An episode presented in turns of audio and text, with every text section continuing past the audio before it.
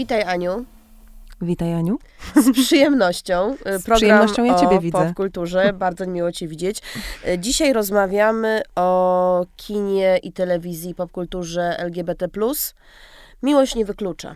No tak, no właśnie y, ten tytuł jest taki dość przewrotny, bo, bo kino, o czym porozmawiamy za chwilę, właściwie to y, wykluczało i wyklucza od, od zawsze. To się powoli zmienia, no ale wydaje mi się, że kino z jednej strony odbija pewne mm, społeczne tendencje, ale też ta relacja jest taka dwustronna, prawda, bo też na nie wpływa i utrzymując pewne stereotypy dotyczące osób nieheteronormatywnych, wymazując je z tej dominu- dominującej narracji przez lata, można powiedzieć, y, spychając obecność osób y, nieheteronormatywnych do kina takiego jakiegoś artystycznego, eksperymentalnego, no w pewnym sensie kształtuje świadomość, w której ten aspekt psychoseksualny pozostaje kwestią czarno-białą, jaką, jaką nie jest i i te kolory tęczy, to jest myślę taki w ogóle minimalny punkt wyjścia tutaj e, do, do tej rozmowy. Popkultura uczy się inkluzywności, uczy się pewnie, pewnie zbyt wolno,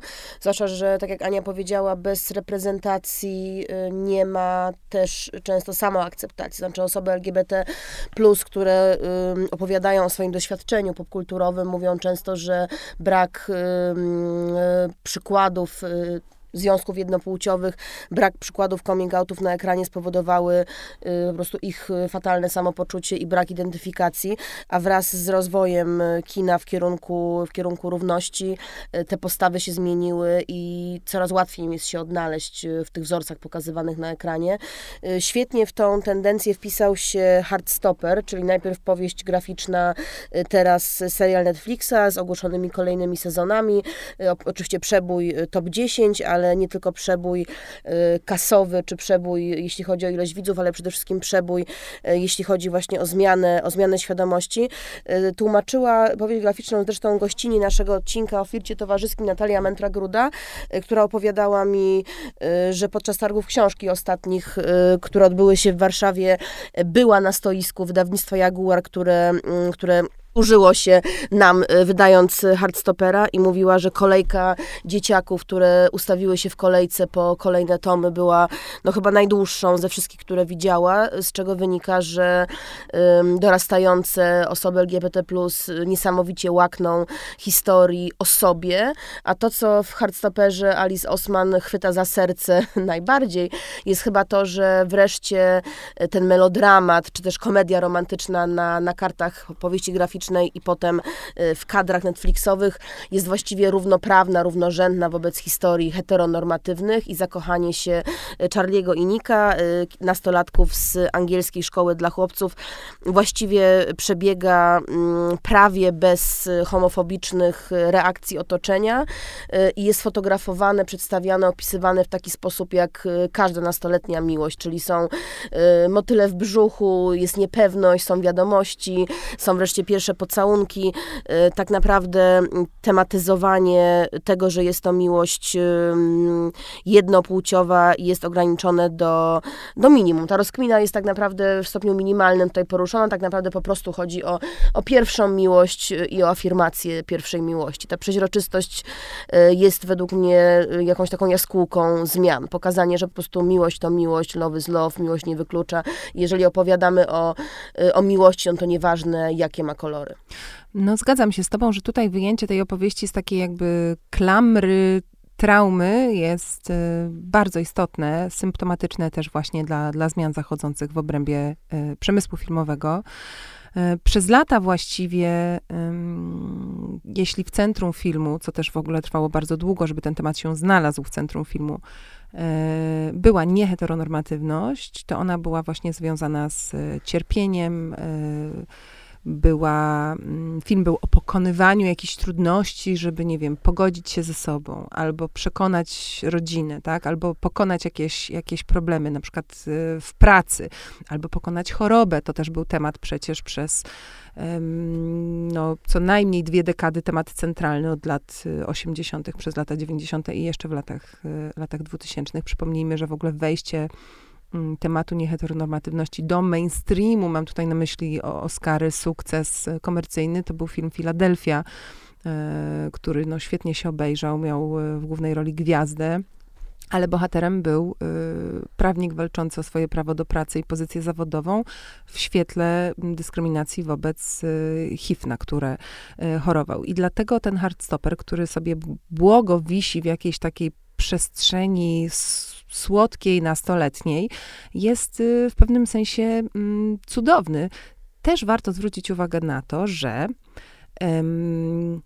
to jest oczywiście znowu odbija mm, takie purytańskie, wręcz bardzo konserwatywne nastroje społeczne, ale bardzo długo, mm, jeśli kamera była e, kierowana na, e, na osoby ze społeczności LGBT, to to zawsze była jakaś przestrzeń dla dorosłych, ponieważ ten temat tak długo kojarzył się z seksem, że nie było e, nie wiem, queerowych dzieci, no to, to, to już pewnie dużo wymagam, ale, ale to, to była przestrzeń filmowa zarezerwowana dla widzów y, dojrzałych. W związku z tym e, na przykład właśnie młodzi queerowi widzowie nie mieli szansy po prostu um, oglądać filmów y, i też na polu literatury, no to się troszeczkę szybciej zmieniało, ale, ale, ale też niewystarczająco szybko. Mieć takich tych swoich young adult y, propozycji, tekstów kultury, tekstów inicjacyjnych, które by im pozwoliły oswoić pewne wątpliwości, Dać im język do rozmowy. I poczuć, że jest jakaś przestrzeń, która jest widzialna, do której oni przynależą i w której się potrafią znaleźć. Można zaryzykować stwierdzenie, że młodzi queerowi widzowie i zresztą starsi też, chociaż oni znowu dostali to szybciej, nie mieli szansy w kinie tak naprawdę na taką projekcję, y, identyfikację bardzo, bardzo, bardzo długo. I no właśnie super jest to, że tutaj mamy mm, teraz serial, który myślę, że takie ptaszki w tych okienkach po prostu przy, przy, każdym zadaniu, jakie powinien mieć, odnoszący sukcesy, fajny, mm, taki mm, łat, lekkostrawny, sympatyczny, popularny serial dla młodzieży, on ma. Od realizacji i zachowania pewnych takich komiksowych wątków y, w przestrzeni obrazu, przez y, muzykę i taki charyzmatyczny obraz, i to się ogląda trochę jak taki teledysk, do którego chcesz tańczyć, przez właśnie bohaterów, z którymi można się identyfikować. Myślę, że można się z nimi, i to jest być może nawet pewien zarzut, identyfikować również, jeśli nie jesteś queerowym widzem. No właśnie, bo to jest też ciekawy dylemat, y, czy przeźroczystość opowieści o miłości nie będzie prowadziła do tego, do takiej inkluzywności totalnej, czyli do tego, że widzowie hetero się będą utożsamiali, ale znowu, dlaczego to ma być y, coś złego? Wrócimy do tego przy okazji przeboju Tamte dni, tamte noce. Y, tamte, tak? Tamte dni, tamte noce? Tak, ale wiesz co, jeszcze tutaj tylko dodam jedną rzecz, bo mi się teraz przypomniało, przepraszam, że tak tutaj się wtryniam, ale zauważyłam, że bardzo długo, odkąd zaczęłam pisać recenzje filmów, robiłam coś takiego, że często na przykład re, recenzując film o bohaterach LGBT+, pisałam na przykład, że można się zidentyfikować właśnie z tą historią, nawet jeśli nie należy się do tej społeczności. I w sumie z dzisiejszej perspektywy trochę nie jestem zadowolona z tego, że, że, że tak pisałam, ale też rozumiem, że ta narracja wciąż trwa, mimo że wiem, że zwracało mi na to w pewnym sensie uwagę mm, te parę lat temu kilku, e, kilku akurat homoseksualnych znajomych, mówiąc, że że jakby to nie jest fajnie tak pisać, nie jest też fajnie, jak tak jest, dlatego, że właśnie, no, jakby oni też chcą mieć po prostu swoje historie i, i tak jak y, nie chcą, żeby ich ktoś zmuszał, żeby się mieli identyfikować z heteroseksualnym bohaterem, bo to nie jest ich droga, to jakby też może być w drugą stronę tak, że ty się nie możesz w tym bohaterze jako osoba heteroseksualna y, przejrzeć. Ten Ale temat jednak... problematyzują też bohaterowie y, filmu dokumentalnego Celuloidowy Schowek mm. i też gwiazdor Filadelfii Tom Hanks, o którym, o którym mówiłyśmy, wystąpił y, przed kamerą i powiedział bardzo piękne, bardzo proste zdanie, że słowo love ma cztery litery i heteronormatywnie i nieheteronormatywnie. Inni bohaterowie mówili słodko-gorzko, czy też nawet bardzo gorzko o tym, że do niedawna bohaterowie LGBT+, w kinie po prostu umierali, znaczy tragiczny los skończył się y, śmiercią, a jeszcze inni mówili właśnie o tym, o czym powiedziałaś teraz, czyli o tym, czy ta reprezentacja musi być uniwersalna i niektórzy mówią, że tak, niech historie miłosne opowiadają po prostu o miłości, a inni, a nie, my teraz chcemy mieć swoje historie. Ja po prostu um, trochę jestem rozdarta między, między tymi dwoma punktami widzenia, ponieważ jako osoba, która chciałaby, żebyśmy kiedyś w ogóle nie musieli um, o tym rozmawiać, e, i żeby nie było takich sytuacji jak pan zamazujący czarnym sprayem e, okładki e, Woga. Podczas miesiąca dumy. Tak.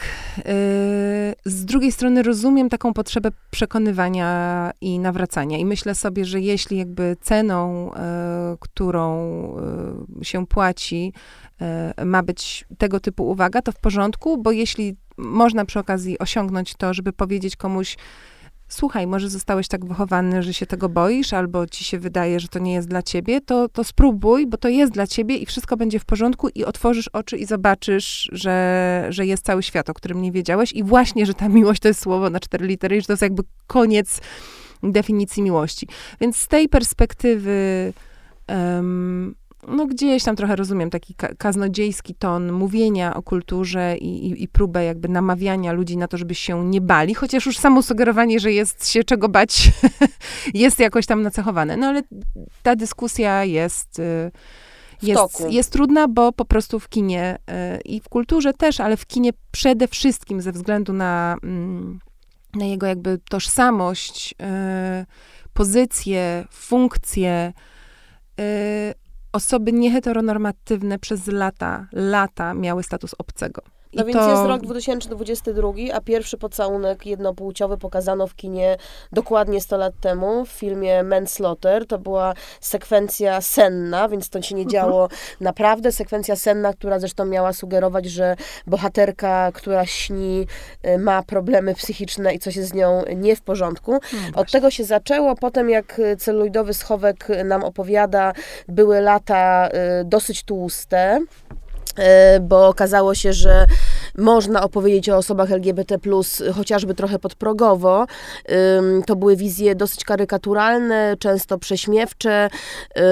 Były takie motywy jak, jak Prissy czy Sissy, czyli taki gej, który jest bardzo sfeminizowany, bardzo, bardzo kobiecy.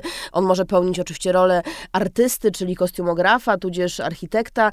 Jest takim skodyfikowanym typem ludzkim w filmie, takim puszczeniem oka do widza, bez dosłowności, ale każdy widz wiedział, y, do czego się to, do czego się to odnosi. Y, nie jest to oczywiście uważane za obraz inkluzywny, ale jest to jakiś rodzaj widzialności.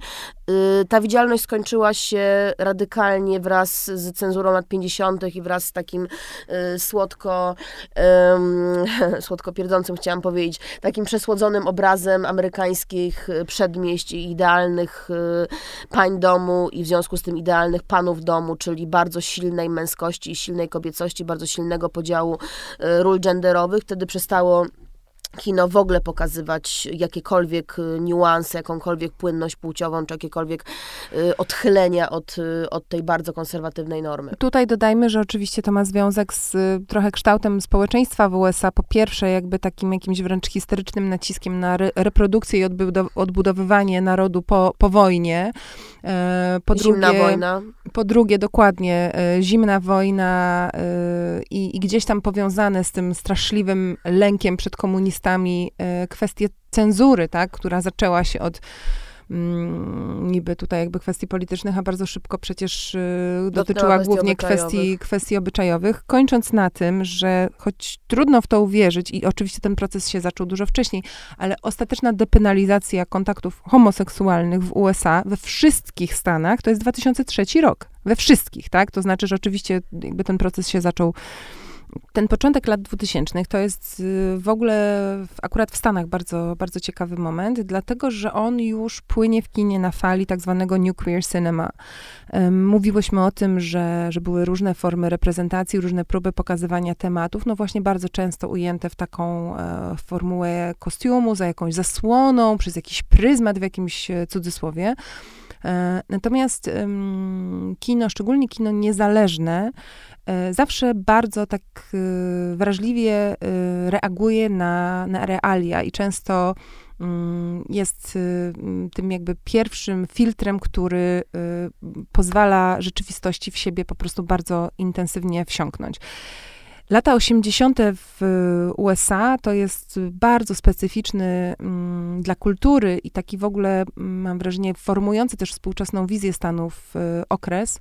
Mm, po pierwsze, jest to prezydentura y, Reagana, która utrwaliła pewne republikańskie y, wzorce, ale też w ogóle zmieniła koncepcję tego, co to jest lider, ale przede wszystkim bardzo się dużo mówi o um, relacji Reagana prezydenta z y, rzeczywistością tamtejszą. W latach 80. Y, no, rozlewała się po Stanach powoli, na początku bez świadomości, y, co to jest y, epidemia y, HIV. E, choroby dziś już jakby okiełznanej, uznawanej po prostu za stan przewlekły. Wówczas e, był to w świadomości wyrok śmierci. Wyrok śmierci i też bardzo długo choroba nazywana chorobą e, gejowską, więc no, ciążyło na tym po prostu niesamowite odium. To był straszliwy stygmat, tak. Wiele seriali, zresztą też takich popularnych, jak na przykład Pose, dzisiaj próbuję y, o tym opowiadać w taki sposób przystępny, to znaczy przedstawiać właśnie bez stygmatyzacji. Ale też takiego ciężkiego gatunkowego kostiumu, po prostu realia y, tamtych czasów i poczucie niesamowitego wielopoziomowego wykluczenia Mm, bo jeśli należałeś do społeczności e, LGBT w tamtych czasach, to właśnie w świadomości osób z drugiej strony na pewno po prostu byłeś nosicielem, automatycznie. To tak też działało, te osoby się zamykało na specjalnych oddziałach, o czym opowiada fantastyczny dokument Oddział 5B. Ale też y, bardzo mocno widać to w serialu Bo to grzech z zeszłego roku brytyjskim, y, bo epidemia szybko dotarła również do, do Europy i pokazywane są y, izolatki, w których mm, właściwie tygodniami przebywali pacjenci bez możliwości możliwości kontaktu ze światem. Jest też pokazane, jak paczka przyjaciół zostaje zdziesiątkowana przez, przez mhm. epidemię. Nikt nie rozmawia y, ze światem zewnętrznym o tym, o tym cierpieniu, o tej traumie, o tej żałobie. Y, często żałoba jest y, wręcz tuszowana przez, przez rodziny. Często osoby zmarłe są mm, wykluczane jakby po śmierci z, z rodziny za to, że właśnie cierpiały na tą epidemię y, osób LGBT. Wiesz co, ale to jest coś, co też bardzo polecam naszym y, słuchaczom. Y, takie konto na, na Instagramie, które się nazywa The AIDS Memorial. To jest konto aktywne już od dobrych kilku lat, które codziennie właściwie dzisiaj jeszcze zamieszcza historię osób, często osób właśnie zapomnianych, które ktoś po latach próbował odkryć, dowiedzieć się, co się z nimi stało, które zmarły na, mm, na AIDS. I tam jest niesamowicie dużo historii o kimś, kogo chowali przyjaciele, bo rodzina się go wyrzekła, albo rodzina się go nie wyrzekła, ale oczywiście powiedziała, że umarł, nie wiem, na coś innego, albo w wypadku, albo, no jakby cała narracja pokazująca, jak niesamowity lęk towarzyszył um, wtedy tej chorobie, która natychmiast, y, o czym też przecież pisze y, Susan Zontag y, bardzo rozlegle w swojej książce Choroba jako metafora, po prostu się rozlał na całą, na całą spo, społeczność i tak już nas jakby stygmatyzowaną wcześniej i ją dodatkowo mm, stygmatyzował.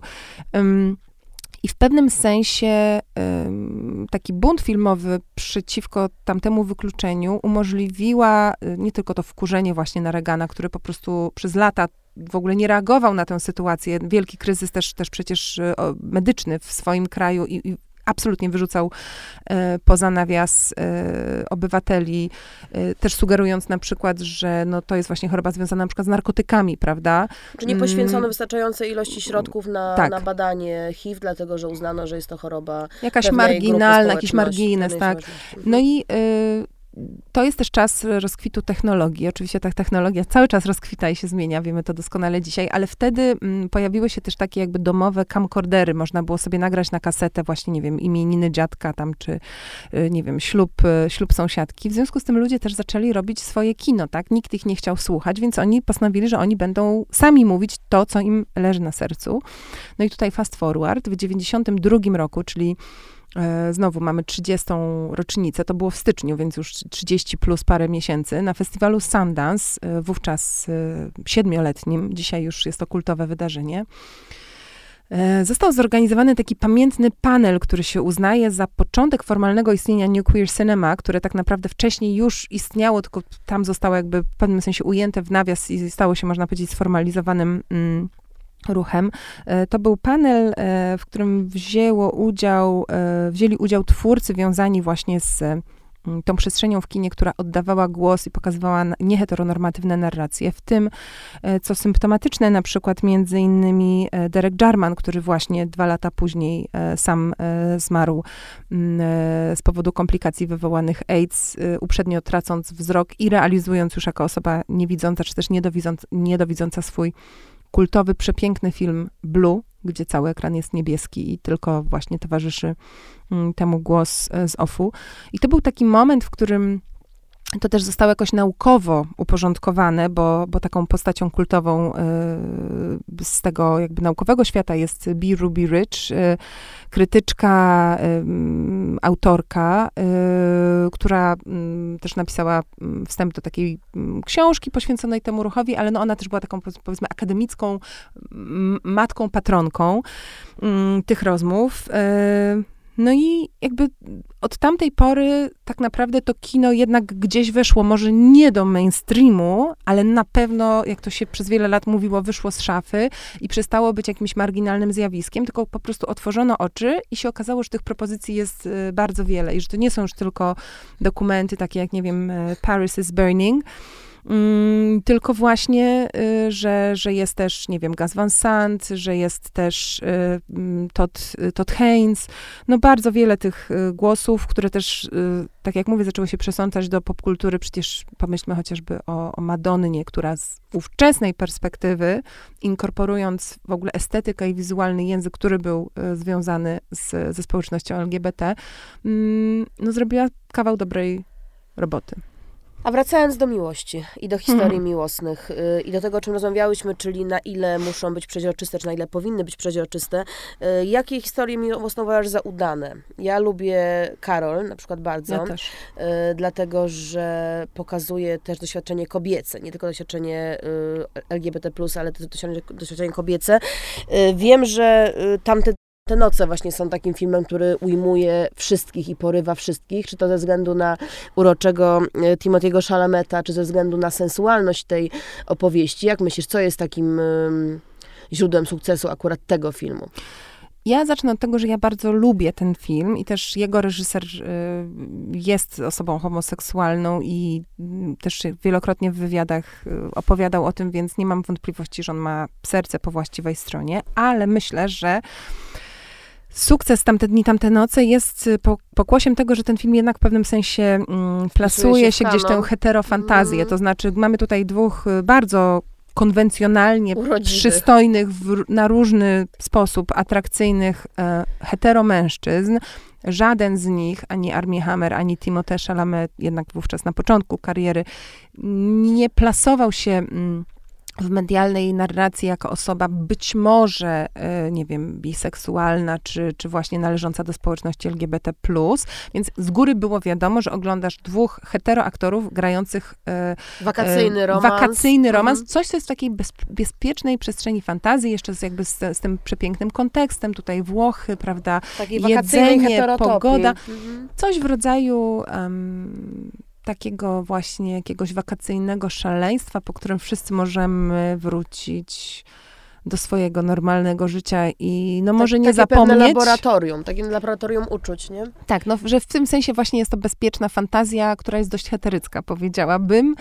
Yy, i, I myślę, że no po prostu oglądasz ich, ale wiesz, że ten mężczyzna, jeśli jesteś osobą heteroseksualną, że ten mężczyzna z ekranu jest jakby e, z twojej grupy nie? Że ty możesz go pożądać na, na ekranie, bo że jest mhm. potencjalnie między wami szansa na chemię, a często mam wrażenie w tym mechanizmie fascynacji ekranowa, ekranowymi bohaterami tego rodzaju wiarygodność jest istotna i dlatego na przykład tak ciekawe jest prześledzenie też karier wyautowanych aktorów w kinie. W Polsce to jest temat stosunkowo nowy, powiedziałabym.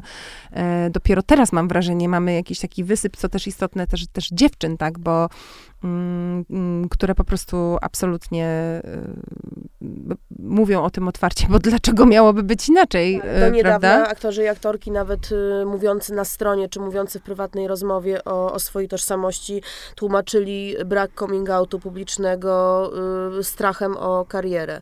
I nie tylko w takim wymiarze że mógłby ich spotkać hejt ze strony widzów, ale po mm. prostu, y, że nie ostawaliby ról, ponieważ y, zdaniem reżyserów nie byliby w stanie wpisać się w rolę amantów czy amantek, no bo jak nagle dziewczyna, która całuje się z dziewczyną, miałaby całować się wiarygodnie z facetem, brzmiał argument.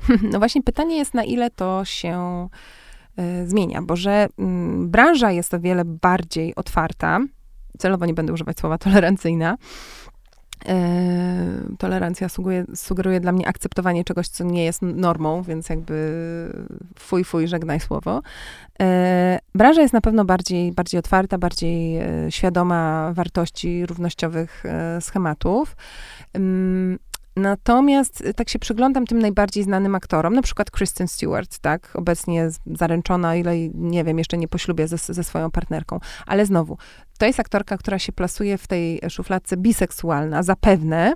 Mm, zaczynała od bardzo medialnego związku ze swoim ekranowym partnerem, który również był ikoną y, seksu, więc wydaje mi się, że gdzieś tam jest ten taki bezpiecznik, tak, że, y, że ona nie jest całkowicie w cudzysłowie po tej drugiej stronie, tylko właśnie, że ona jest tak pomiędzy, więc Ale gdzieś tam... zbuntowana dziewczyna. No, to, mówię, to, to tutaj mówimy o obserwacjach y, i o takich jakby medialnych narracjach, a nie o tym, jak w rzeczywistości jest, ale wydaje mi się, że y, ona ma kilka takich potencjalnych zasłon dymnych, które znowu mogą czynić ją no, taką oswojoną y, dla, dla, dla, dla publiczności y, wszelkiej. Mm, albo znowu niektórzy mężczyźni na przykład y, wyautowani, na przykład Matt Bomer, który występował w, proszę, jak się nazywa, nie Mad Max, tylko Magic Mike, przepraszam, w Magic, w Magic Mike'u jako no, heterotancerz, y, obiekt, obiekt pożądania. Na przykład on z kolei jest osobą bardzo klasycznie przystojną, w taki sposób, że się wpisuje gdzieś w um, wizerunek takiej męskiej ikony i właśnie tej męskości definiowanej w, takiej, w taki wręcz wsteczny sposób, na podstawie znowu kilku punktów. Tak? Dzisiaj już wiemy, że że męskość, czy, czy, czy atrakcyjność, czy, czy kobiecość to jest pewne spektrum, ono mm, jest płynne i, i, i zależy od tego, jakby co ty tam dla siebie znajdujesz, ale gdzieś te stereotypy takie sztywne, funkcjonują, więc... Y, no, ale ta płynność to jest wyzwanie dla kina, bo ta no, płynność to jest, to jest przyszłość, bo pokolenie y, TikToka y, w dużej mierze utożsamia się jako, jako gender fluid, czy mówi o sobie, czy nie chce o sobie mówić w kategoriach silnie binarnych, hmm. dlatego kina musi się z tym zmierzyć, musi zacząć pokazywać bohaterów, którzy się nie identyfikują ale też kino może być sojusznikiem, nawet jeśli wynika to wyłącznie z przeliczenia kasy i uznania, że to się bardziej opłaca. Ja się nie będę temu sprzeciwiać, bo jakby dla mnie to jest tylko dowód na to, że jakby jeśli coś się sprzedaje, to znaczy, że przyzwolenie społeczne na to rośnie i, i jakby jest to dobry znak. I na przykład um, Elliot Page y, właściwie nie wiem, czy to jest y, nie jedyny transaktor, y, który w tym momencie y, z takim sukcesem funkcjonuje na międzynarodowej arenie. Hunter Schaffer jeszcze.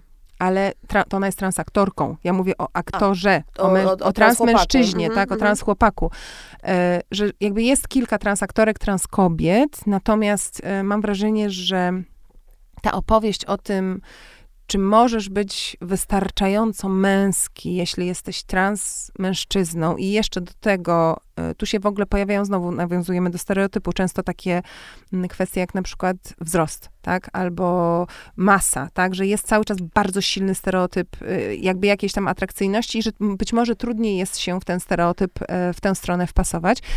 No Ale... u niego w razie sztuka naśladuje życie, bo w kolejnym no sezonie Umbrella Academy, czyli serialu superbohaterskiego, w którym Elliot Page gra, y, będzie y, coming out jako I nie stracił roli, bohatera. nie stracił roli, y, został ten scenariusz y, do niego dopasowany. Ma to też związek z tym, że akurat y, Netflix jest jednym z tych y, producentów, którzy mają w ogóle jakby swój wewnętrzny kodeks, specjalne zapisy, mówiące nie tylko o tym, jaki wręcz niemalże procent tak na ekranie mają zajmować y, osoby mm, w dużym skrócie w ogóle mam, chciałabym powiedzieć, nie będące białymi mężczyznami, tak?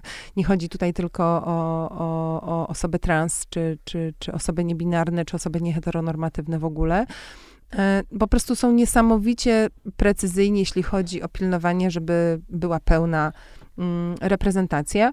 I znowu, ja myślę, że jest wiele tak zwanych konserw, którzy powiedzą, że no tak, bo to się tam sprzedaje. Że produkcyjniaki ten... Netflix wypuszcza. Bardzo dobrze, świetnie. Niech wypuszczają, niech wypuszczają jeszcze pięć innych hardstopperów. Ja pewnie nie będę oglądać, ale jak myślę sobie o tych po prostu czternastolatkach, bo też zwróćmy uwagę, że hardstopper jest dość niewinny, jeśli chodzi o seks. To jest tak naprawdę jeszcze ten romans sprzed inicjacji, czyli tu chodzi naprawdę o uczucia, o poczucie mm, zakochania, kochania, znajdowania akceptacji w partnerze, bez lęku, tak? Być może ten moment, że nie musisz się bać wyautowania, po prostu, że możesz się po prostu bać powiedzenia komuś, jakie masz w stosunku do niego uczucia. Dla mnie to jest super. I gdybym ja miała e, Gdyby moje dziecko tak y, okazało się nie być y, heteroseksualne, to ja bym była zachwycona, że są takie seriale, gdzie on może sobie właśnie w takiej bezpiecznej, też wciąż jeszcze przestrzeni pewnej fantazji i kinowego upiększenia posłuchać o tym, że wszystko będzie dobrze i że jest okej. Okay.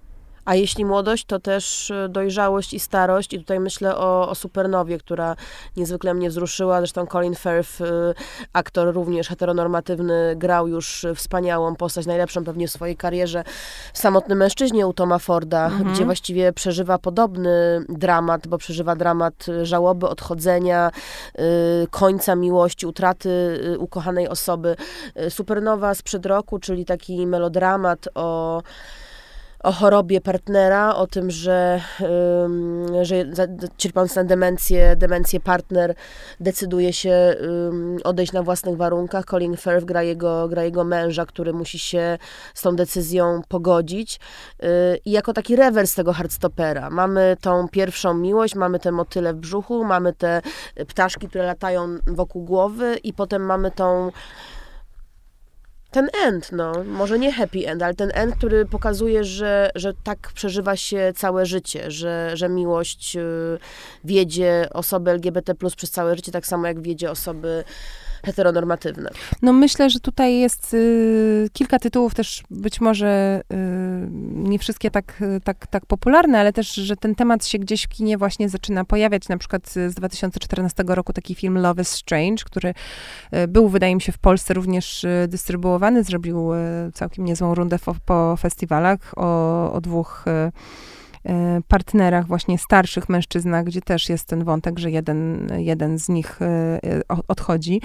Mm, mówiłyśmy wcześniej o, o takim zamknięciu figury e, geja, akurat konkretnie, głównie w, takie ubranko komiksowego, mm, przepraszam, komediowego dodatku I w pewnym sensie y, ten komediowy ton na przykład czuwa też nad serialem Grace i, e, i Franki, prawda? Dokładnie Ale tam, chciałam, Ania, w tej sekundzie chciałam powiedzieć Grace i Franki. Ale tam to nie jest komedia prześmiewcza, bo przecież bohaterki też są e, obserwowane przez jakby ten komediowy pryzmat, przez komediowe lustro, tylko właśnie taka komedia demokratyczna, gdzie y, mamy dwie y, no, przyjaciółki y, po osiemdziesiątce, których mężowie po rozstaniu zeszli się ze sobą i obecnie tworzą y, parę. I to jest też para mężczyzn w wieku no, mocno zaawansowano, zaawansowanie, przepraszam, mm, emerytalnym.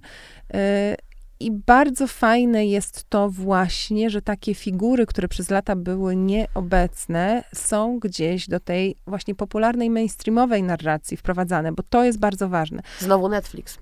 No, jeszcze, jeszcze będzie dalej, niestety też, y, albo stety, bo, y, bo na przykład w Polsce też teraz mamy, mm, mam wrażenie, taki czas, że więcej jest tych y, propozycji, które wyglądają poza, poza heteroszufladkę. No zaczynamy przepracowywać dopiero ten temat. Ale właśnie przez to, że dopiero można powiedzieć zaczynamy, to niestety znowu to nie jest niestety, tak, ale, ale dopiero powolutku na początku znowu patrzymy w przeszłość, bo mamy do przepracowania rzeczy z przeszłości. I tutaj na przykład Hyacynt, e, o którym, o którym e, rozmawiałyśmy. Ja akurat bardzo, e, bardzo lubię ten film, mimo że on, no tam jest parę znaków zapytania odnośnie właśnie powielania potencjalnie pewnych, pewnych stereotypów ale jest to film z tego porządku, o którym mówiłyśmy wcześniej, czyli jednak właśnie trauma, opresja, cierpienie, wyrzucenie poza nawias. No, uzasadnia to, że to jest film o przeszłości, ale no myślę, że zanim będziemy mieli więcej takich filmów, jak na przykład ostatni Commerce, to jeszcze dużo wody w Wiśle upłynie, bo po prostu mamy do rozprawienia się tyle bolesnych, y, tak, ran niezabliźnionych z przeszłości, że no... No a nie jest filmem środka wszystkie nasze strachy? Bo pokazuje jednocześnie wszystkie nasze strachy, ale już otwarcie na nowe? Ja lubię ten film. On, on mnie bardzo, bardzo mnie wzruszył i też jestem fanką filmowej e, działalności e, akademika i kuratora Łukasza Rondudy, ale wydaje mi się, że to jest film trochę dla naszej bańki, w tym sensie, że on e, w naszej głowie jest filmem, który odniósł sukces, tak? Dostał nagrody w Gdyni. Wiemy o nim. E, ale on wciąż jest filmem również na poziomie języka i tematu stosunkowo hermetycznym, wydaje mi się. To znaczy, jest to film, który w, na warstwie przedstawienia i budowania opowieści jest dość taki poetycki, nie zawsze taki klasyczny, że kawa na ławę. Sam temat, yy, no z jednej strony mamy tu tak naprawdę walkę... Filmową biografię Daniela Recharskiego. Ale też mhm. walkę o równość i akceptację na prowincji, co wydaje się najbardziej uniwersalne, takie jakby mhm. mm, szeroko, szeroko y, społecznie. No ale właśnie też ten wątek wyrażania się przez sztukę, mm, więc to jakby ja bardzo ten film doceniam, bardzo się cieszę, że on, że on powstał właśnie też ze względu na to, że Daniel Rycharski jest e, chłopakiem ze wsi i, i ma takie dotarcie i też doświadczenie, jak, jakby jak nawracać tę lokalną społeczność, której ktoś do głowy wrzucił, że znaczy jak ktoś, jesteś wierzący... TV PiS często. TV PiS, e, Kościół, wiele, wiele innych e, miejsc, e, że jeśli jesteś osobą wierzącą, to oczywiście też nie możesz nie dyskryminować. Mm, ale myślę, że to jest w ogóle początek drogi. Ale naprawdę. wiesz co, no mamy swojego hardstopera i jest nim moim zdaniem kontrola Natalii mm, Parzymies świeżo upieczonej absolwentki Warszawskiej Szkoły Filmowej, zresztą bardzo młodej reżyserki, która y, zaczęła od takich bardzo krótkich przecież epizodów, nie puszczanych tylko w sieci, a drugi sezon już był zupełnie full size, real size serialem y, o dwóch dziewczynach zakochanych w sobie, które no oczywiście mierzą się z pewnymi przeciwnościami losu, ale nie są stygmatyzowane przez otoczenie i znajdują w sobie dosyć szybko samoakceptację. No, jest to właściwie jak na realia polskie prawie że hardstop super. No, jak na realia polskie, właśnie. Dobrze, yy, dobrze I, że to dodałaś. I wiesz, tak. konwencja jest również troszkę podobna. Mamy y, pastelowe barwy, mamy y, taką wiesz, typową dla komedii romantycznej y, przesadę, czy, czy właśnie taką pastelozę i, i, i słodkość y, tej miłości. Więc wydaje mi się, że w ogóle operowanie tą konwencją komedii romantycznej y, w kontekście y, historii nieheteronormatywny może być takim kluczem y, do, do jeszcze większej inkluzywności. Y, rozmawiałam z Tori Peters, autorką y, powieści Transipu Baby, która już jest od miesiąca na rynku. Świetna pozycja na miesiąc dumy i nie tylko. Tori Peters natychmiast po tym, po wydaniu tej powieści została zaproszona do pracy nad oczywiście serialem na jej podstawie, dlatego że teraz żadna dobra książka nie może filmowcom uciec i Tori pracuje nad serialem o trans transpłciowych kobietach y, wychowujących dziecko, w ogóle o życiu transpłciowych kobiet y, w Nowym Jorku. Jednocześnie pracuje nad kolejnymi produkcjami, y, które mają opowiadać o osobach LGBT+, w kontekście właśnie zupełnie zwyczajnym, zupełnie codziennym. Po prostu jak się kochamy, tak się kochamy. I to jest też ciekawe, dlatego że wielopiętrowo się wszystko zaplata, dlatego że książka Trans i Pół Baby pojawiła się w serialu i tak po prostu, czyli kontynuacji Seksu w Wielkim Mieście ten e, nowy, e, cóż, jakby to powiedzieć, rewolucja się nie zadziała i tak po prostu i większość fanów Seksu w Wielkim Mieście się jednak od tej e, kontynuacji odwróciła, dlatego że twórcy próbowali być e, woke troszkę na siłę, wciskając właśnie 50-letnim bohaterkom. Woke boomer. Taki dokładnie, no. taki woke boomer i, i to ten zgrzyt się nie spodobał, co nie zmienia faktu, że zaplecenie tego, że książka dziewczyny, która w młodości oglądała Seks w Wielkim Mieście, mieście, czyli Tori, i myślała sobie, czy będzie w takim serialu miejsce dla kogoś takiego jak ona. Teraz nagle jej książka się tam y, znajduje. Mm podobny serial do seksu w Wielkim Mieście pisze ona, tyle że o y, transkobietach. Wszystko się bardzo tutaj ładnie, y, ładnie zaplata. Ja też mówiłam wcześniej o tym, że rozumiem niechęć do, do tej retoryki, że jest to na tyle uniwersalne, że zrozumiałe też dla heteryka. E, bo, bo tak długo jak e, historie e, spoza, chciałam powiedzieć heteronormy, ale czy to nie jest tak, że to słowo jest totalnie przestarzałe? Heterosfery. Powiedzmy. Heterobańki. Heterobańki. Um, tak długo jak te, te, te inne historie są pozamykane też jakby w swoich bańkach, gdzieś przypisane do jakichś, nie wiem, subkultur czy, czy, czy, czy nisz, e, to po prostu nie mają szansy na zaistnienie w mainstreamie, więc w pewnym sensie, i tak zastanawiam się głośno bardziej niż stwierdzam fakt, bo sama nie wiem, ale że dla mnie na przykład historia Mirandy e, właśnie z, i tak po prostu chociaż jest, y, mam wrażenie, że to źle że napisane. Miranda mhm. zostawiła męża dla Cze, dla osoby niebinarnej, niebinarnej. granej przez y, Sarah Ramirez, również aktorkę, tak. Y, aktora niebinarnego.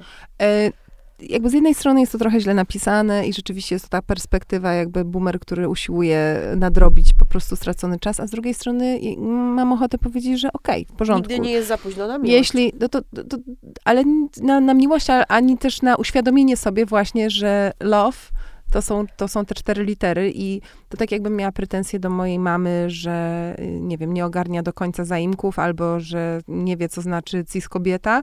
Nie, wolę usiąść i, i z nią o tym pogadać i wytłumaczyć i wytłumaczyć nawet 10 razy, chociaż znowu często, kiedy rozmawiam z z osobami ze społeczności LGBT, tam się też pojawia ten wątek zmęczenia obowiązkiem tłumaczenia pewnych rzeczy i rozumiem niechęć i odmowę, e, bo, bo jakby to tak jakbym musiała ja wszystkim tłumaczyć, jak to jest być heterokobietą, a po prostu nią jestem i jakby dlaczego nagle moją odpowiedzialnością ma być bycie jakąś po prostu misjonarką czy, czy edukatorką tylko dlatego, e, że jest we mnie coś, co potencjalnie innych interesuje, czego inni nie rozumieją. To jest bardzo, mam wrażenie, e, wszystko skomplikowane, ale na pewno cieszy mnie to powolne zacieranie się granic i przecinanie porządków w kinie, bo jednak przecież Długo, tak jak mówiłyśmy, w Stanach był jeden problem, w Europie mam wrażenie, że z kolei mm, te e, opowieści spoza heteroprzestrzeni często należały wyłącznie do kina artystycznego. Miały taki skandalizujący charakter. Mm, albo właśnie pewnej e, elity artystycznej, no szczególnie jeśli na przykład pomyślimy tutaj o takim kultowym e, twórcy, czyli oczywiście mam na myśli Pedro Almodovara, mm, to mimo, że te jego filmy były zakorzenione w wprawdzie na przykład o ewolucji hiszpańskiego e, społeczeństwa często nawiązywały do biograficznych wątków, to jednak znowu tam był ten problem w cudzysłowie, o którym już mówiłyśmy, czyli że to była na przykład, nie wiem, osoby właśnie, które chorowały, osoby odrzucone, y, osoby z jakiejś subkultury, y, przestrzeń, y, nie wiem, y, na przykład dragów, tak? No, y, wiele różnych sugestii wiążących stale temat y, bycia y, osobą ze społeczności LGBT y, no, z jakimiś właśnie konkretnymi wątkami, bez skupiania się na byciu y, po prostu. I w tym sensie na przykład dla mnie mega ciekawą propozycją był y, Portret kobiety w ogniu, jeden z pierwszych filmów kostiumowych, które po prostu pokazywały fascynujący, skomplikowany rozwój uczucia i pożądania pomiędzy dwiema kobietami, który był tak samo umocowany w niesprzyjających pewnym na przykład nagięciom e, zasad społecznych realiach, jak wiele innych hetero e, historii. I dla mnie to jest ważne, że znajduje się przestrzeń na uzupełnianie luk w naszej filmowej historii, w, w, ty, jakby w, w takiej encyklopedii filmowych opowiadań, Mm, tak jak herstorię. Tak. Tak dopisujemy tak. LGBT plus storię. Też chciałam oczywiście powiedzieć o, o Selin Sziamie i też chciałam powiedzieć o Białej Mapie, powieści Cecily Enger, norweskiej pisarki, z którą miałam przyjemność e, kilka dni temu rozmawiać. To jest właściwie ta sama historia, tylko że prawdziwa, bo Cecily udało się odnaleźć y, w archiwach y, opowieść o dwóch kobietach y, żyjących pod koniec XIX wieku w wiosce rybacko-górniczej w Norwegii, które żyły jak małżeństwo. Może nie z akceptacją pełną, ale, ale wobec lokalnej społeczności. I odkopywanie tych historii, czy też tworzenie ich, wypełnianie właśnie, tak jak powiedziałyśmy, tych białych plam, bo przecież osoby LGBT, tak samo jak kobiety, były zawsze, żyły zawsze i zawsze chciały opowiadać swoje historie, tylko po prostu nie miały głosu. Więc teraz jest czas, żeby ten głos dać, odzyskać, yy, przekazać.